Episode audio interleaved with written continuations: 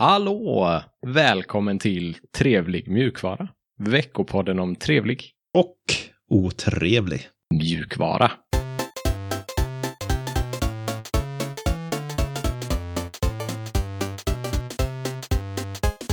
Mitt namn är Sebastian och med mig har jag Alex som vanligt. Hallå Alex! Hej! Hur är läget? Det är eh, bra. Härligt! Är du eh, taggad inför eh, detta avsnittet? Ja, det är jag. Det är jag med. Vi ska nämligen intervjua Daniel Stenberg. Eller Daniel Curl Stenberg. Just det, precis. Han är alltså en eh, eh, utvecklare, sysslar mycket med open source. Eh, han eh, talar också på mässor och inför publik och är med i podcasts och streamar kodning på Twitch och gör en eh, himla massa häftiga saker. Och han är ju också, som du hintade, fadern till curl. Vad är curl för någonting? Curl är ett, både ett bibliotek och ett, ett eh, terminalverktyg för att eh, skicka data över diverse nätverksprotokoll. Just det. Vi kommer få höra eh, massa mer om curl i eh, intervjun, så jag tänker att vi kör igång. Ja, här kommer intervjun. Håll i hatten. Ja, välkommen Daniel till Trevlig mjukvara. Tack! Kul att vara här. Är du redo för de berömda tio snabba frågorna som vi har? Jag sit, Trevlig. sitter där och svettas lite grann här, men jag, jag, är, jag är klar. Ja, ja. Ska du ta den? Vi tar varannan då Seb, så kör du första. Yes. Daniel, vilket djur symboliserar dig? Och jag får väl säga eh, grävling då. då. Vad gör du helst en ledig dag? Mm, jag, jag, nu, jag försöker ibland undvika att jobba på curl på mina lediga dagar, sådär, men det blir oftast lite curl. Annars så tycker jag ju om um, eh, varför inte paddla till exempel. Vilken är din favoritwebbläsare? Firefox. Vilket operativsystem föredrar du på mobiltelefonen? Android. Vilket är ditt favoritoperativsystem? Alla kategorier. Debian Linux. Är du en nattuggla, kvällsuggla eller morgonmänniska? Och jag är rätt bra på alla dem faktiskt. Så jag stretchar ut det så långt som möjligt och sen så går jag upp på morgonen. Så Ja. blir jag jättetrött sen hela dagen. Har du något favoritställe på internet? Det- Vilken kategori? Curls, Curls GitHub repository är på GitHub. Ja. Ja. Vad, eller vilken var din första dator? Commodore 64 1985. Ja. Vad är det trevligaste du vet? Ja, jag ska kanske göra saker med min familj. Vad är det otrevligaste du vet? Eh, otrevliga människor. Ja. Bra. Du, Ja. Det var de tio snabba. Eh, Jag tycker du tog dig igenom dem med bravur. Usch, bra. Grävling, varför det djuret? Nej, det är för att mitt nickname jag använder oftast. Ja. En gång i tiden var meningen att det skulle vara grävling på engelska, men jag stavade fel, så att det är inte grävling. Men, men eh, det är felstavad grävling. Ja. Bagder använder jag överallt. Så Ja. jättemånga då vänder ju på det och spellcheckar och kallar mig för badger, som då är grävling på engelska. Så Mm. Därav grävling. Eller grälving kanske. Gre- Just det. Direktöversättning. Då tänkte vi nog gå in på lite frågor om curl. För det, är en eh, stor och viktig grej för dig, har vi förstått det som. Det är en stor del eh, av mig och mitt liv kanske. Ja, ja. Finns det någonting eh, som de flesta inte känner till om när det kommer till curl? Finns det någon hemlig funktion eller sådär? De flesta, inte, de flesta känner inte till curl överhuvudtaget. ja. Ja, men då menar jag vanliga människor där ute. Ja, Ja, ja, frågan om. visst. ja, Så, ja. eh, Men av de som känner till curl, om, eh, Ja, Finns det nej, ja, det, jag tror det finns jättemycket saker som de flesta inte känner till för att de, de flesta använder bara liksom, ja, ett litet subset av funktioner i curl. För de flesta är curl ett kommandoradsverktyg som man gör någonting med. Sen eh, till exempel när vi pratar om curl, att den har så många installationer över hela världen och alltihopa, det är ju all, nästan alltid i libcurl-versionen som är ju inte kommandoradsverktyget. Så det är därför det finns på så många ställen. För då, och då libcurl finns i i princip allting som är internetuppkopplat. Men, mm. men om vi tittar på liksom kommandoradsversionen så tycker jag till exempel en av mina favoritkommandoradsoptioner som jag gillar att berätta om som inte så många känner till, det är den som heter minus minus libcurl. Och sen skriver man en, en, ett filnamn efteråt och då genererar den ett C-program för, för motsvarande program som använder de kommandoradsfunktionerna du använder. Liksom. Så om du gör en upload med massa kommandoradsswitchar så genererar den ett, ett C-program som gör samma sak. Jaha, ja, det, var ju, det var ju fräckt faktiskt. Det var, det ja, var... Den är väldigt rolig faktiskt. Ja. Använder du den ofta? Nej. Nej. men, men jag vet inte. Jag är ibland lite sådär att eh, jag, jag jobbar så mycket med curl att jag är inte alltid den som använder curl mest själv utan mest, mest mm. jobbar med det, inte eh, liksom, använder den så mycket. Nej. Vilket kanske är lite ironiskt ibland. Ja, just det. Ja, men det var, det var en, eh, min nästa fråga. Eh, vad använder du själv eh, curl till? Men då, då är det inte så mycket sådär explicit användande av curl eh, dagligen. Nej, det har ju på något vis kanske blivit mindre av det ju mer jag jobbar med det. För det betyder att mina dagar nu är mycket mer att jobba med curl och det gör att mina liksom små saker. Jag använder curl fortfarande till en del saker som jag har lite så här automatiska grejer satt upp som, som den håller på med. Så där. Men, men jag är ingen jag gör inget så här riktigt fancy, jag skriver ingen egen applikation förutom curl som använder libcurl och sådär, utan nu är mitt, nu är mitt fokus på att bygga curl och libcurl bara. Mm. Finns det några ja, konkurrenter kanske man inte ska kalla det, men finns det något liknande som ni tar inspiration ifrån? Ja, det finns ju egentligen många alltså, konkurrenter eller alternativ. För, för jag, jag, vill hellre se dem som alternativ, för jag brukar mer säga att använd vad du vill. Liksom, jag, jag bryr mig faktiskt inte om folk säger... Folk tenderar till... Dels så har folk i alla fall i deras huvuden att det finns en slags av, av tävling mellan WGET och curl. Så, mm. Och då säger folk till mig ibland så här jag använder faktiskt dubbelveget ibland. Och så där, ser lite sådär generad ut. Liksom. Så, jo, men det är fine. Det, man kan använda vilket verktyg som helst. Jag, det, faktiskt inte, det påverkar inte mig alls, utan det, jag, det, är bara bra. Man ska använda det verktyg som man gillar och kan och få jobbet gjort. Liksom. Om det inte är curl, så fine, gör det. Man, eh, allting ska inte gå till att använda curl. Utan, däremot om curl är rätt verktyg, så använd det. Sådär. Så det finns faktiskt ganska många olika verktyg som gör olika ska säga, subset av vad curl gör eller det som curl gör och lite till eller lite annorlunda. Så jag förstår att folk använder till exempel WGET som faktiskt är äldre än curl också.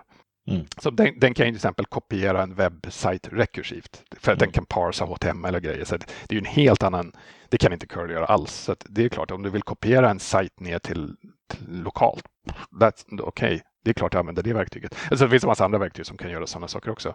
Som kanske då också kan göra en del av grejerna som curl kan göra. Som, curl kan också ladda ner en fil eller ladda upp en fil. Det kan massor med andra verktyg göra. Sen kommer man in på så här nischade saker. Okej, okay, du vill jobba med JSON mot ett eh, API någonstans. Ja, då finns det några verktyg som har specialiserat sig på att göra det jättesnyggt och fancy med just JSON med färger och pretty mm. printing av output och input och grejer. Så här. Ja, då kanske det verktyget uh, är mycket bättre än curl för just det, det särskilda use caset. Så det är lite grann så.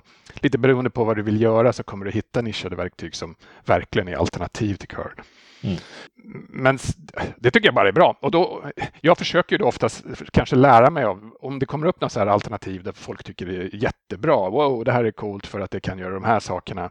Och det, och det är mycket smartare än det där dumma curl som har funnits så länge och är jättekonstigt att använda. För det får jag höra ganska mycket att det är, vilket det kanske är också. Det, men, men ändå, då försöker jag liksom kanske, åh, då kanske man kan lära sig av saker och ting kanske kan förbättras i curl. Vi kanske kan lära oss av den här ja. the new kid on the block, vad, vad de gör, så kanske vi också kan göra någonting liknande eller bli inspirerade av. Vi har ju oftast, eller det, det, som både blessing and a curse i projektet var att vi inte pajar saker hur det redan funkar. Så om vi redan introducerat ett sätt att göra det på så kommer vi inte ta bort det för då kommer Nej. vi ju paja massor med scripts som redan finns där. Så att om vi har gjort ett sätt på ett lite småknöligt sätt från början då kan vi inte bara ta bort det utan då måste vi ha kvar det. Ja, det. Vilket gör att det är ibland lite svårt att säga när det kommer in en ny grej som kommer, åh, oh, vi kan göra på det här nya coola sättet. Jo, men det kan inte vi göra riktigt för att vi måste ju supporta det här som vi hittade på för 15 år sedan och gjorde på kanske inte det smartaste sättet. Men ja. nu sitter vi där, så nu, nu fortsätter vi göra så. Ja, just det.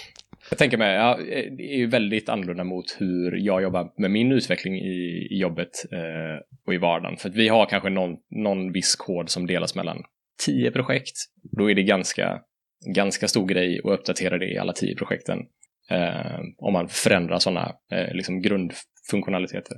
Men curl, jag läste någon siffra att curl körs på, eh, var det 10 miljarder eh, devices? Och det var en siffra från 2020 som ni hade uppskattat. Eh, svårt att veta förstås. Ja, det är någonstans där. Jag brukar då säga installationer, vilket, och då, då kan det i och för sig bli... Det, det, är så otroligt svårt att räkna, men curl finns i ungefär alla mobiltelefoner, alla surfplattor, eh, nästan alla tv, nästan alla bilar, nästan allting som är internetuppkopplat. Så det är bara att räkna själv hur många det kan bli. Och det, det intressanta där också, som man kan räkna installationer, är ju att curl till exempel finns inte. Det finns i alla mobil OS som i Android och, och iOS och sådär som en del av OS. Så jag vet att det finns där i alla telefoner. Men, men det exponeras då inte till appar. Libcurls API exponeras inte till appar, så alla appar som också vill ha curl, de bundlar det själva. Så att mm. i en vanlig mobiltelefon så hittar du curl kanske fem, sju, tolv gånger. För att alla, eller liksom jättemånga stora appar skeppar curl själva. Plus att det mm. finns i OS. Så det blir liksom jättemånga curl i varje mobiltelefon egentligen. Ja, så det, det beror på hur man vill räkna. Det blir en helt extrem mängd i alla fall. Ja, fascinerande. Ja, vi har snackat en del om Linux på Mars. Så att eh, NASA skickade upp en eh, helikopter som kör Linux som operativsystem. Jag hittade någon kommentar från dig där också. Jag tror att du är medveten om att eh, eh, curl finns på Mars. Jag menar yes. potentiellt, nu vet jag inte exakt vad det är för mjukvara i helikoptern. Men, eh... Nej, och, det, och de säger inte det heller. Så det är liksom inte riktigt helt klarlagt exakt i var och i, liksom i vilken kapacitet och precis funktionalitet. För NASA, NASA har typ sagt så här, de här komponenterna har vi använt för vårt eh, Helicopter Mission 2020-projekt och där ingår curl. Så det är liksom, okej, okay, curl är med i NASAs helikopterprojekt. Vilket jag liksom, ah, okej, det kan betyda att det finns på Mars eller inte. Det är liksom, mm. och, NASA säger inte mer än så. Och, och, och, det gör att på, på GitHub till exempel, där har ju de markerat alla projekt då som är med, så man får en liten så här badge att man är med i, i, i Mars-projektet. Så Curly är med där, så jag räknar det som att Curly är med på Mars utan att egentligen veta det med hundraprocentig säkerhet. Just det. Fascinerande. Det är så nära jag kan komma. Ja, precis. Det är inte så dåligt curl finns Nej, det är faktiskt rätt coolt. Ja, precis. Ja. Om, man, om man blickar bakåt lite. Du startade det 1985 va? Ja, 1985 då, bör, då, fick, då skaffade jag min första dator. Då började jag programmera. Mm. Jag började egentligen eh, med att skriva HTTP och så här, nätverksklientkod 1996. Så där. Mm. Eh, men, men sen så, sen med, ett, med ett projekt som jag sen bytte namn, sen bytte jag namn igen 1998 till Curl. Ja. Så den, jag räknar Curls födelsedag till 20, 20 eh, mars faktiskt, 98, vilket bara är ett par dagar ifrån, alltså 20 mars idag. Har det allt, alltså hur, hur uttalar man, har det alltid uttalats curl? Eller har det... Jag har alltid uttalat det curl. Okay. Ja. För att jag ville att det skulle vara lätt uttalat och jag vill liksom jag tyckte om att det var URL i namnet för det skulle jobba med URLer och så, så C mera, det blev ett engelskt ord och sen så kan man säga det och sen så C kunde väl stå för klient kanske eh, mm. på engelska. Och så kunde också, jag tyckte också att om att det kunde vara C-URL så att man kunde liksom se URL, alltså innehållet liksom mm. i terminalen typ. Så det var bara, Ja, ni vet, hitta på vad ska någonting heta, det är jättesvårt. Så jag, ja, jag, jag, var nöjd med att jag hittade det där, det räckte liksom. Så okej, okay, då kör vi ja. med det. Klart. Ja, det är det absolut svåraste med utveckling. Komma på vad saker ska heta. det, det, är absolut det. ja. Eh, en annan svår sak är väl lite så här, hur samarbetar man på den tiden, på 90-talet? Eh, eller vad hade man för versionshantering? Yes, jag... Så här, faktum är att jag började... Det första jag hade, det körde jag RCS. För, och RCS, det är liksom bara versionshanterar man individuella filer bara. Så det är liksom bara en fil i taget som man lägger och den är ju gjord för så här lokal, den har inget, finns ingen nätverkssupport alls utan det är mer bara i ditt filsystem så kan man hantera mm. versioner av filer. Vilket liksom, det är ganska fine för just om man har en fil och liksom vill ha versionshantering av det. För då gör inget, det, det behöver inte vara så här atomära commits och liksom, man behöver mm. inte hålla isär författare och, och committer och sådana saker, utan det, det är ju faktiskt ganska extremt enkelt och det, och det funkade liksom i, i första stapplande försök och sen så bytte jag till CVS rätt tidigt. Mm. Och det funkar, den, är, den är ungefär som RCS fast fler filer, så det är liksom bara som ett steg upp. Ja. Och sen, och sen, ehm, så, sen, så då för att så och den har ett nätverkssupport också så man kan mm. erbjuda liksom folk att tanka ner koden och man kan committa liksom över nätverk. Plus att på den tiden så var det inte lika vanligt att man gjorde server, alltså på 90-talet var det inte lika vanligt att man gjorde så serverbaserade liksom commit och hej och hå, utan det var mycket mer att man skickade patchar och diffar per mail. Så att folk postade sin patch och jag applyade den lokalt och committade. Liksom. Så att det, var, det var mycket mer av, av den historien. För sen, sen tror jag att det var egentligen den stora förändringen som kom så här, eh, inom open source rent allmänt. Det var ju när SourceForge lanserades. Och det var ju mm. typ precis i slutet av 99. Och, då var vi med också, så då importerade jag hela curl-koden och då körde vi CVS på SourceWatch. Så då var den helt plötsligt också, du vet, man fick man ju webbgränssnitt i koden och då fick man, ja, det, helt plötsligt det har varit lättare för folk att hänga med i koden, titta på det. Det har varit ännu lättare för folk att bidra och så här, gemensam bug tracker och allting sånt. Mm. Vad, vad, hur kommer det sig att du kände behovet av att skapa curl? Eller var det, var det hobbyprojekt? Eller var det för... Ja, det var absolut ett hobby. Det var så här, jag, jag skrev en IRC-bot på den ja. tiden. Det var egentligen mitt, min IRC-bot är egentligen det första upp, stora open source-projektet. Stort var det inte, men det, det var det åtminstone mitt första. Så jag kom in i så här, nätverksprogrammering i C och sockets och TCP och, så, och, och kom in i en så här, lite, vi hade en open source-community. Vi jobbade med den botten eh, i, för en IRC-kanal som som vi satte i. Det var också en Amiga-kanal, den som jag jobbade från mm. början. Ja, men okej, okay, jag höll på med den och det var lite kul med att ha en sån här bot som kunde göra saker on online på IRC-kanalen. Och sen så kom jag på att men, men, valutakonvertering vore ju kul. Så man kunde, för det, det var en internationell kanal, vi pratade ibland så här, okej, okay, så här mycket kostar en sån här apparat här borta, men hur mycket är det i min valuta? Så kunde man ju fråga, hur mycket är 100 dollar i svenska kronor? Eller 79 kronor i tyska mark eller så här. Liksom. Mm. Det var ju fler valutor då. Mm. Eh, så, så då, jaha, men okej, det, jag, vill, jag vill att man ska kunna fråga botten. Mycket är 75 kronor i dollar idag? Ja, men okej, hur gör man det då? Jo, men det är ju det är bara lite multiplikationer, men man måste ju ha valutakurserna som man kan göra. Var, var är valutakurserna någonstans? Uh, det finns ju där ute. Det fanns ju några webbsidor, HTTP-servrar som hostade valutakurser som man kunde tanka ner. Okej, jag behöver bara tanka ner lite valutakurser då och då, kanske varje dag, kanske två gånger om dagen. Eh, så då behövde jag bara, okej, okay, men hur laddar jag ner de här valutakurserna lite enkelt? Sätter upp ett cronjobb, laddar ner. Mm, jag hittade inget bra verktyg, googlade lite innan Google fanns, så det var inte Google. Eh, Altavista. Eh, jag var antagligen Altavista, jag kommer faktiskt inte ihåg. Men då hittade jag det här lilla verktyget som hette HTTP GET. Okej, okay, HTTP GET var ganska bra. Det var typ, det var, det var, jag tror att det var faktiskt mindre än 300 rader kod. Det var en väldigt enkel basic C-program som gjorde nästan vad jag ville. Så jag bugfixade det, jag skickade tillbaka mina fixar till Rafael som hade skrivit det här sa så här, så här borde, vi, så här borde den göra i framtiden. Så han tog emot den patchen och släppte en ny release. Och, så, så, och sen så tog det bara, jag tror inom en månad han inte ville ha mina patcher längre och sa, men du kan väl bara liksom maintaina den här själv istället. Okej, okay, så, okay, så jag. Fair. Ja, för jag hade mer idéer hur jag tyckte det skulle funka och så här. Han hade väl mer bara laddat upp det där någonstans och tyckte att han var färdig. Ja, så började det alltihopa. Ja, bara lite sidospår. Vi kollar lite på GitHub och där är du ju väldigt aktiv.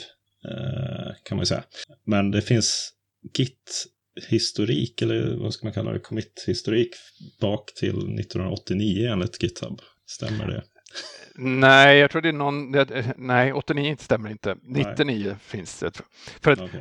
när jag importerade all koden till SourceForge eh, mm. typ december 99, då, bara, då, tog, från, då tog jag inte med historien ordentligt, vilket jag har ångrat sedan dess. Men så den alltihopa, den första koden är, är importerad eh, 99, så det, det är all Git-historik vi har. Okay. Sen vet jag att jag i någon av de där, jag kommer ihåg att den har fel datum i någonting, så det, någon av de där analysatorerna tycker att det är fel. Så den, ja, det är någonting fel någonstans. Men, ja, men koden, ja, så koden går bara till, bara till eh, tror jag, 28 december 99 eller någonting. Mm. Sen har jag några så här tarbollar kvar från tidigare. Så jag kan gå tillbaka och kolla hur det såg ut några versioner innan som jag har liksom hittat i efterhand. Så just det, så där såg det. Så jag kan, så jag kan se att det var så här, HTTP GET som jag hade i december 1996. Det var 330 rader C-kod, så den är kvar. Mm. Kan titta. Okay. Och idag är det någonstans i närheten av 145 000 rader kod. Det har hänt grejer. Ja, just den tillväxtgrafen är lite rolig. Ändå roligt att gå tillbaka så lång tid. Det är så nörd fritidsintresse. Eh, kolla hur det såg ut eh, liksom 99. Vad committade man för någonting? Ja, ja och jag, jag tycker det är jätteroligt också att gå tillbaks. Eh, nästan så att ju längre projektet har gått, ju roligare tycker jag det är att gå tillbaks och titta på liksom för eh, och så här, hur hemskt det såg ut. Vad, vad, vad gjorde vi på den tiden? Och, nu, och ni vet så här också som, man, som jag tycker idag, man tycker att klart man ska skriva kod på ett visst sätt, man ska ha vettiga commit-meddelanden och hej och hå. Så tittar man i vad jag gjorde egentligen för 20 år sedan. Ja, så det, är lätt att, vara, lätt att säga idag jag tycker saker ska vara. Jag följde det inte så bra. Jag själv för 24 år sedan var inte lika disciplinerad. Vad är curl inte klart snart? Hur länge, hur länge ska man fortsätta utveckla? hur länge kan man hålla ja, på? Precis. Ja, äh, nej, det, det, kommer, det, det, är aldrig klart. Det finns ingenting som är klart. Det är, liksom det som ingenting på internet eller produkter eller någonting. Det blir aldrig färdigt för att saker och ting rör på sig hela tiden. Så det, även om eh, jag menar, om internet och all ut, så här, internetöverföring, protokoll, om allt skulle stanna då skulle kanske curl kunna bli klart i teorin någon gång. Men så är det ju inte, utan allting förändras ju hela tiden. Så att eh, vi får nya protokoll av olika eh, eh olika versioner av protokoll som till exempel ny TLS och vi får ny HTTP. Folk kommer på nya grejer hur man ska göra olika saker som curl redan supportar för att hänga med. Då, så här, okay, hur gör vi internetöverföringar imorgon eller nästa år? Ja, då har folk hittat på lite nya grejer och då måste vi följa med där. Och en del av eh, en del av den grejerna vi stödjer är ju också då liksom tillhandahålls ju av andra bibliotek. Så att när du bygger curl så bygger man det och står på axlarna av andra jättar som har byggt jättebra bibliotek för att göra med saker och de förändras ju också. De växer, kommer upp, kommer försvinner. Så vi måste också eh, vila på rätt axlar där så att, och, och, hänga med där. Så det rör på sig hela tiden. Plus att folk då kommer på nya saker. Oh, vänta nu, när vi ändå har det här skulle vi kunna ha det här också. Och, och så fortsätter det ju i all evighet. Så att vi kan alltid komma på ett nytt sätt att liksom supporta ungefär samma sak fast på ett nytt sätt som vi inte har gjort förut. För att någon kom på ett jättebra sätt som vi borde ha den här funktionen. Så. Mm.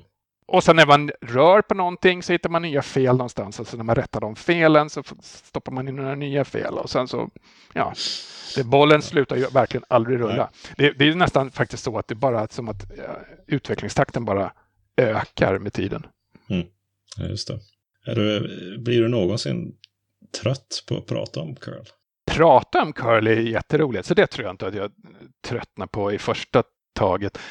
Jag tröttnar på att jobba med det. Liksom, kan ju liksom bara liksom bli så allmänt bara less på det så här i omgångar. Ja.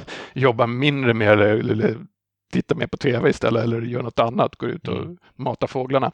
Nej, men så att, eh, nej, jag, jag blir nog lite så här less till och från. Men, men det är, samtidigt, det är inte någonting som jag någonsin har blivit less på på riktigt eller liksom känner att det här är nu ger jag upp. Så har jag mm. aldrig känt, utan det, mm. det, ibland känns det lite motigt kanske, men sen så kommer nedförsbacken igen och då känns allt superkul. Och då. Mm. För att, men, jag har varit på med det rätt länge nu. Jag, det är ju det som de flesta när du säger så här, är det aldrig färdigt? Så brukar ju folk säga så här, okej, okay, men det är ju få som, det, liksom, hur håller man intresset uppe och, och får den att fortsätta under så lång tid? Men för mig är det på något vis att jag har aldrig tröttnat. Jag tycker det är kul fortfarande, så då är det bara att jag fortsätter så länge det är kul. Så länge jag har någonting att göra här, så länge jag kan jobba med det och jag tycker det är kul, ja, då bara fortsätter jag. Har liksom siktet framåt och jag brukar inte titta så långt framåt heller, utan jag försöker fixa saker som ligger i närtid. Jag vet att jag behöver fixa det här. Jag tycker att vi borde ha det här inom liksom, ett halvår, men inte längre än så. Så jobbar jag på det. Mm. Jag inbillar mig att det inte ser riktigt likadant ut nu som det gjorde eh, när du började med det. Eh, för det är ett stort projekt och det är många som eh, eh många contributors som hjälper till. Eh, och så måste du vara någon slags spindel i nätet. Har du liksom någon favoritgrej eh, med att vara med att jobba med ett sånt stort open source-projekt? Just på den positionen som du som du sitter på? Ja, men, ja, men det är jätte, alltså det är ju, jag, jag tycker att det är, ett jätte, det är en jättekul position att ha. Så jag tycker att det bara liksom, det, det, är, skit, det är skitroligt. För, eh, så, så det, jag tycker att bara det, det är kul att jobba med människor så här, liksom att träffa folk och vara i kontakt med folk över hela jorden på det här sättet. Jag tycker det är kul att få erkännandet av, av vad vi har kommit. Jag tycker det är kul att få kunna så här, få erbjudanden och åka och hålla föredrag om saker. Så, jag, jag tycker det finns jättemånga så här, bra saker med att ha liksom nått den här positionen, den här platsen. Och, och, och jag känner mig väldigt så här lyckligt lottad som uttaget. Jag, kan, jag, vet, jag har hittat på det här, det här är min baby från början. Jag har jobbat med det på, som i fritid, som ett fritidsprojekt till 2019. Liksom. Jag har lagt ner då jättemånga år, jättemånga fritidstimmar och sen till slut får du kunna jobba med det på heltid. Så nu kan jag jobba hela dagarna med och kvällarna. Så ja, jag tycker verkligen jag på något vis kammat hem lotterivinsten här. Så jag, jag tycker allting är jättekul. Sen det finns några kanske dåliga sidor med hela också. Men, men de är så små, liksom, de kan jag ha överseende med för att allting har, har liksom nackdelar. Mm. Finns det något som eh, andra lite mer kommersiella utvecklingsteams kan lära sig av er? Av hur ni jobbar med curl och så? Ja, ja, ja men jag, jag tänker så här att vi har inget så här, revolutionärt sätt att utveckla curl. Vi gör inte saker på några konstiga sätt eller nydanande sätt, utan jag tror att vi, vi försöker liksom utveckla curl på, på det bästa möjliga sätt och använda bästa möjliga liksom best practices som hur man bara gör projekt så här. Mm. Och nu är vi ju ett eh, säga, ett gammaldags projekt på det sättet att vi skriver koden i C och vi bygger den på ett visst sätt och så där. Så jag tror bara att vi försöker använda bästa sättet vi kan och vad som, de bästa verktygen som erbjuds för att liksom kontrollera, testa, checka, bla bla bla och så där. Så jag tror inte, ifall man bara är en vaket med produkt, liksom tillverkare av någonting, då gör man redan i princip allt det som vi gör och, och vi försöker liksom bara se hur andra, vilka smarta saker gör andra saker när de utvecklar för att testa, hitta fel, följa policies och regler och grejer. Ja, då gör vi så. Så vi försöker inte var, hitta på några så här, speciella konstigheter. Tvärtom så tror jag oftast att det, vi bara tjänar på att försöka vara så, liksom, så enkla som möjligt. Vi gör precis som alla andra. Det är så här, hålla ner tröskeln för att komma in. Vi har inga konstiga påhitt eller egna eh, märkligheter utan så att när du kommer in i vårt projekt ska det kännas som ett projekt som vilket som helst som du är van vid. För det blir lättare för dig att eh, fixa den här eh, stavningsfelet i en kommentar eller vad du vill fixa i projektet. Liksom. Så jag försöker att det ska vara så. Mm. Du nämner ju, ni har jobbat med C ganska länge. Har det varit på tapeten att byta till någonting annat någon gång? Det är en ganska vanlig fråga. Eller, och då brukar man inte bara säga frågan så, utan då brukar man säga när byter vi till Rust? ja, det var det jag tänkte på på väg in på. men men eh, eh, seriöst då, så nej, vi kommer inte byta språk till någonting annat.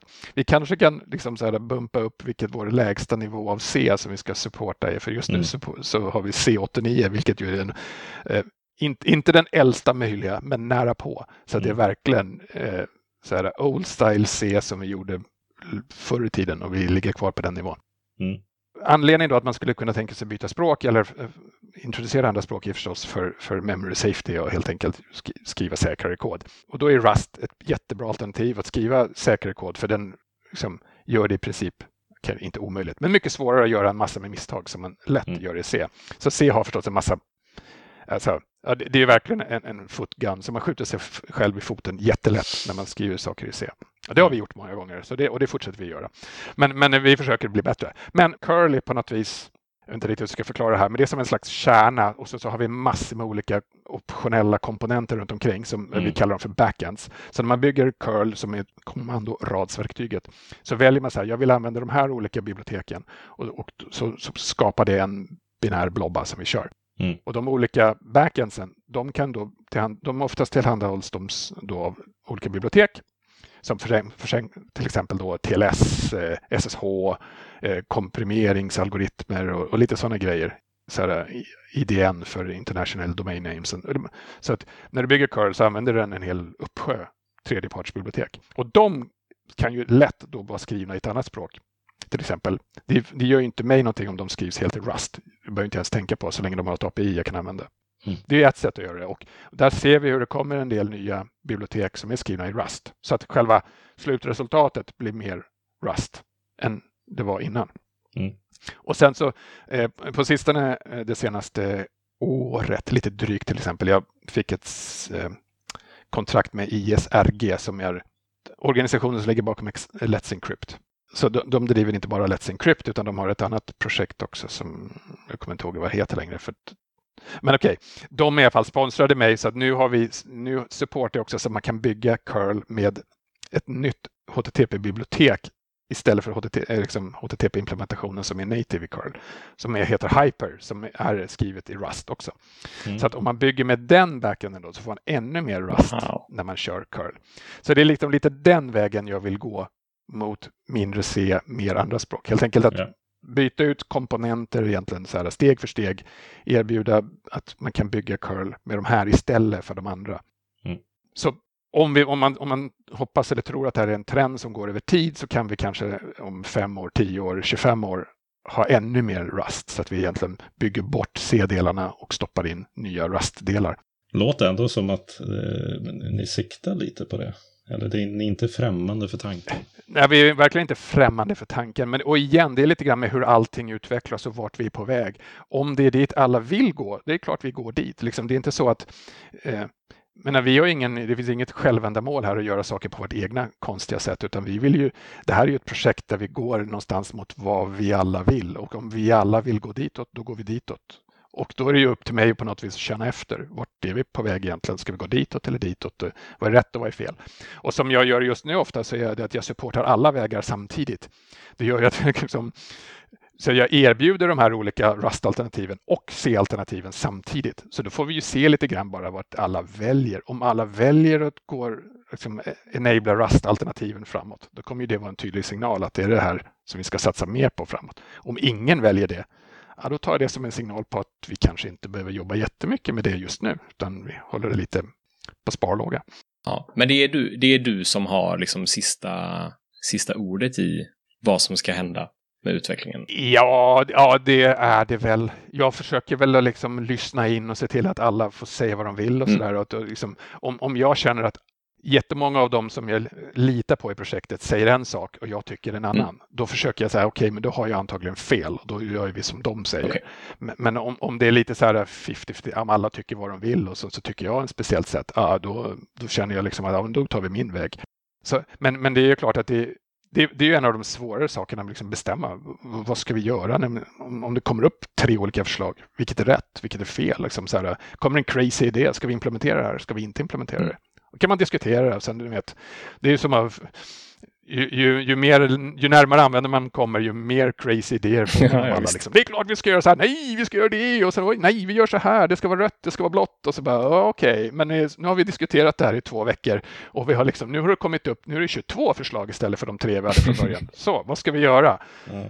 Crickets. Så bara, mm, uh, men då brukar det bli så här, men då kör vi åt det här hållet. Och sen så får man se. Det brukar ju ändå inte sluta med exakt så som man kommer på dag två, utan det brukar ju sen, okej, okay, men så måste man tweaka och svänga lite och sen så måla om det lite grann i alla fall. Så det... Är det mycket sån eh, administration, alltså administrerar du mest eller kodar du mest? Ja, jag administrerar nästan hela tiden. Jag buggfixar också, det kan jag säga. Fixa buggar och göra saker runt projektet, det är, det, det är min stora del av tiden. Det är det säkert 90 5 procent av allt. Men sen är det så här också att man, man, kan se som Curl som ett stort projekt, men, men det är inte så stort i antal människor som all, faktiskt finns i projektet. Men eh, det är inte mer än eh, så här, eh, ett handfull av människor, kanske tio, som har funnits med i flera år. Så när det gäller saker som vem ska ta hand om webbsajten? Vem kollar att mailinglistan funkar? Vem, nu är sådana här tråkiga administrativa sysadmin blä saker, de måste ju också göras. Så det är sådana grejer också, så det är inte bara grejer runt kod eller inte bara mm. sitta och snacka på en podcast om det eller beställa klistermärken, utan det är liksom ett ganska brett område av olika grejer man kan pilla med. Ja, just det. Om du inte skulle jobba med curl, vad, vad skulle du göra då? Äh, då kan jag pensionera mig. nej, nej, men jag, jag, jag har alltid tyckt om, sen, sen, sen första början alltid tyckt om att jobba med nätverksrelaterad programmering. Så det har alltid, eh, det är vad jag tyckt om under alla år och det som gärna jobbat med även innan jag hade curl som fritidsprojekt så hade jag gärna det som fulltidsjobb. Så att det, mm. jag hade, hade det inte varit curl hade jag antagligen hittat mitt hem i någonting annat som har någonting med nätverk och, och liksom runt det. Så här klient, klientsidor-relaterad nätverksprogrammering, för det tycker jag är skitkul. Så det, det gör jag gärna, mm. även om det inte är curl. Du har eh, jobbat på Mozilla. Vi brukar följa Mozilla i podden här för vi tycker att de är intressanta. Och Eh, jag, personligen så tycker jag att det brinner jag väldigt mycket för Firefox, deras webbläsare, eh, som ett alternativ till eh, det monopolet som håller på att utveckla sig eh, på andra sidan. Så ett, vi tycker att det är viktigt att, att prata om det och de gör mycket bra grejer. Men eh, lite nyfiken på hur det var att, att jobba Eh, på Mozilla. Först vill jag bara säga att jag, jag, skriver verkligen under precis det. Så jag tycker verkligen att Firefox dels är en bra produkt och dels verkligen är en viktig produkt för det. För liksom, jag, jag tycker inte om det stora liksom Chrome-monopolet som har växt upp och som bara växer. Så, eh, eh okej, okay. och sen så är det väl lite så här personligt, eftersom jag jobbade med Firefox i, i, nästan fem år så känns det också lite grann som att det eh, inte en skyldighet, men det känns lite, grann, lite som hem, hemtamt sådär i alla fall. Så att även om ju längre tiden går, ju mindre och mina grejer är där och mindre känner jag att jag skulle ens kunna göra någonting om jag skulle vilja nu. Men det är ändå sådär. Så att, eh, men, men Mozilla som bolag tycker jag är, jag tycker det är bra på nästan alla sätt. Så det, det, är ett kanonbolag att jobba för och jag hade jättekul där och jag tyckte det var helt suveränt att jobba där. Så det är verkligen, jag har egentligen bara positiva saker att säga om Mozilla. Mm de, de också redan, ehm, de är också väldigt tidigt ute, bra remote-företag, långt innan covid gjorde alla till det. Mm. Eh, så att jag började jobba där 2014 och du vet, min första dag, då gick jag bara upp hit till mitt arbetsrum jag hade liksom, och började jobba på Mozilla. Och det är ju bolag som är utspritt över väldigt många länder och väldigt många som sitter överallt. Så nej, jag, jag tyckte det var, det var jättekul och jättebra. Och det är kul att få jobba med, med en produkt som är open source. Så nästan allting Mozilla gör är open source och tillgängligt. Så det är också kul. Det, faktiskt, jag tycker det är ganska befriande när man kan jobba med ett projekt också där man kan så här, visa alla vad man jobbar med. Jag kan berätta för min kompis att kolla, det här har jag committat nu. Eller buggrapporten, vet, när de postar det. Det här jobbar jag med, vet, den här svettiga grejen jag har jobbat med i tre veckor. Det funkar fortfarande inte. Men det finns här publikt. Vi kan prata om det vem som helst. Och en annan, en annan kul grej som jag tror jag faktiskt aldrig varit med om på något annat jobb eh, eh sådär när man jobbar för ett företag. Du vet, man får en buggrapport man sitter och jobbar med den. Allting görs i buggrapporter på Mozilla på en extrem mängd. Så att de liksom, på min tid, då, då var det över tusen nya per dag. Oj. Så liksom, fatta volymen. Det var liksom, man blev helt svettig bara, det går inte att följa med. Det, och, just, och, och commitsen i, i det går inte att hänga med där heller, för det kommer också bara forsar in. Hur ofta ska jag uppdatera? Det, är liksom, det bara rinner in hela tiden. Om man är 300 utvecklare som alla jobbar i samma träd.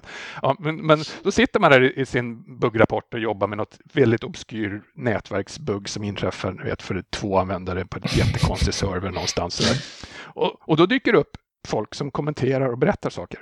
Och man har ingen aning om människorna jobbar på Mozilla sedan tio år eller är det bara en helt random contributor utifrån. För mm. ingenting avslöjar det. Folk på Mozilla använder ju inte ens sina Mozilla-adresser när de jobbar i, i bugtracken. Så det dyker upp liksom mm. Mm. bara någon med något märklig e-mailadress som har en jättebra synpunkt eller bara helt wacko. Eller, ja. men, men det är så här, alla blir på något vis då likadana för, för alla. För att man, eller, över tid lär man ju sig känner igen namn och så här, då förstår man ju också att ja, det här är en person som alltid är här. Då vet man att han kanske är anställd. Och oftast så är det ju så att det är så stort projekt så det är svårt att hänga med på riktigt på detaljer om man inte är anställd för att det, det är för mycket spaghetti och för mycket liksom konstigheter för att man ska kunna följa med på riktigt på fritiden. Men det var ändå så här, jag tyckte det var en, en upptäckt där man kunde sitta och jobba. Jag har ingen aning om, om, om, liksom, om de är inifrån eller utifrån eller så där. Och det spelar ingen roll heller, för att alla betraktas likadant. Har man commit-rättighet, har man de rättigheterna att göra saker, då kan man göra saker oavsett om man är anställd eller inte. Mm. Vad tycker du om Mozilla idag? Vi har pratat lite, lite om det, men eh, de har liksom lite problem med eh, ekonomin kanske, alltså testar de lite olika vägar och Firefox kanske nästan sjunker i popularitet istället för tvärtom. Eh, så mm. de har lite utmaningar där som de tacklar på, på olika sätt. Ja, och, och, de utmaningarna fanns redan när jag jobbade där. Så att man, liksom, de trenden, den tendensen fanns redan då när jag slutade. Och den, jag tror den fanns under hela min tid. Och det är faktiskt en rätt deprimerande ställe. Det, är deprimerande att jobba på ett ställe där man känner att vad man än gör, hur mycket man anstränger sig, så går liksom användningsgraden ner kraftigt. Mm. Även om man på Mozilla tenderar till att titta på antal, inte i procent, utan man tittar på antal användare. Okay. För det är mycket bättre siffra, för den låg mer konstant. Mm. Så det var mer bara, okej, okay, den kunde man ju växa lite grann, men antal internetanvändare växte mycket fortare. Så att som procent av marknaden så sjönk den, men som antal användare så kunde den till och med stiga mm. lite. Så att, eh, alltså det är klart att det är jättedeprimerande och, och Mozilla har ju verkligen i alla år haft det problemet att man har bara den produkten och det är det enda sättet man kan tjäna pengar på. Det är att sälja den där eh, search på platsen och det är bara Google som köper mm. den. Så att man, man Google är den enda inkomsten och Google är den största konkurrenten. Så vad, vad man än gör, liksom, så fort någon går till en Google-sida med Firefox så får man en reklambannen i ansiktet. Du kanske ska byta till Chrome istället. Så det, det, är ju lite ironiskt att det är de som man får alla pengarna ifrån och det första de gör är liksom att försöka sno ens användare ifrån en. Men samtidigt så det är lite, lite av en rävsax och då försöker man desperat hitta olika sätt att liksom diversifiera, tjäna pengar på andra sätt. Det är ju, det är ju svårt. Särskilt eftersom det liksom, Mozillas expertis är inte i någonting av det där andra. Så de försöker ju bara sätt att hitta.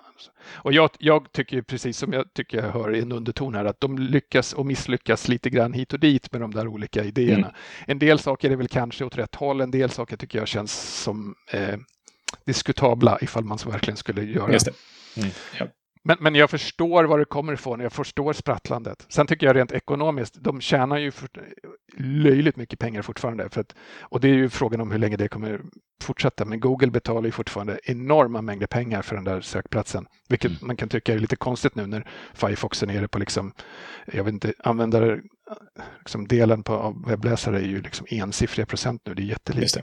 Den kan man titta på också, man kan ju diskutera, alltså, vilket jag, jag vet det diskuteras i bakkanaler som pratar om Mozilla också. Liksom, titta på lönenivåerna på de som sitter i toppen på Mozilla nu. Är det verkligen, är det, verkligen det vi ska lägga de här pengarna på nu när allting ramlar? Det är väldigt många miljoners dollar som lägger på, läggs på högsta ledningen. Ja, ja därför man, ja, vi följer det där noga. Så, men eh, det känns som det håller på att utveckla sig en story som det ser lite mörkt ut. Sådär.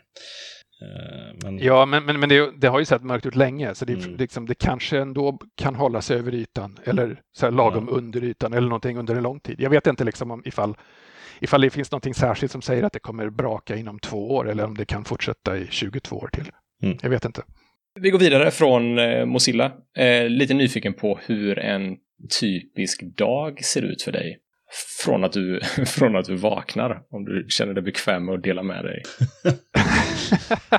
ja, ja, absolut. Men eh, först ska jag bara säga, det som, det som jag det som betalar min mat på bordet är att jag är anställd av ett bolag som heter Wolf SSL.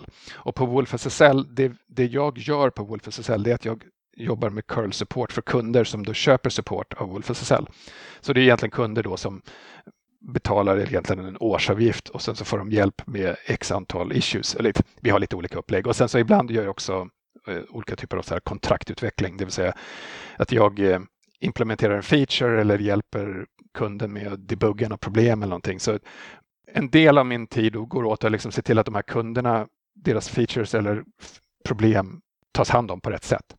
Men det är oftast en mindre del av min vardag. Så att oftast när jag, när jag, när jag, när jag vaknar och ätit frukost och går till jobbet, och går till jobbet är det mina 13 trappsteg upp från, från bottenvåningen till övervåningen. Så på övervåningen här har jag mitt liksom, hemmakontor. Då det, det, jag börjar så här. Jag kollar min mail och curl-relaterade saker som hänt på mailinglistorna. Även om mailtrafiken har gått ner på sistone så har jag en rätt så intensiv flod. Och sen så, det, det min andra grej jag gör det är att jag kollar hur det ligger till på eh, issues då i, på GitHub.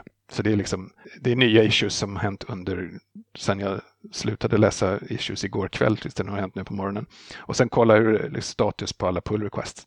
Och sen normalt brukar det då trigga verksamhet hos mig. Liksom, det finns issues att svara på, det finns frågor att svara på, det finns pull requests att granska. Eller om det är mina pull requests eller andras pull requests som har kommit så långt in i processen så kan man börja mergea dem. Och sen så har jag ofta en del jobb själv. Jag har, så här, rent generellt så har jag ett gäng egna pull requests som ligger och liksom puttrar som jag, grejer jag vill fixa, features jag vill lägga till och sådär. Och de ligger då och har kört under natten till exempel och kört igenom alla tester. Och då kan jag säga att det var 14 som failade och några byggen som gick sönder så måste jag fixa det. Och sen försöker jag iterera genom de här olika sakerna. Det är egentligen så hela min arbetsdag ser mm. ut. Och iterera, iterera genom det här mailen, issues, pull request, mina grejer. Det händer någonting på Twitter, så svarar på frågor.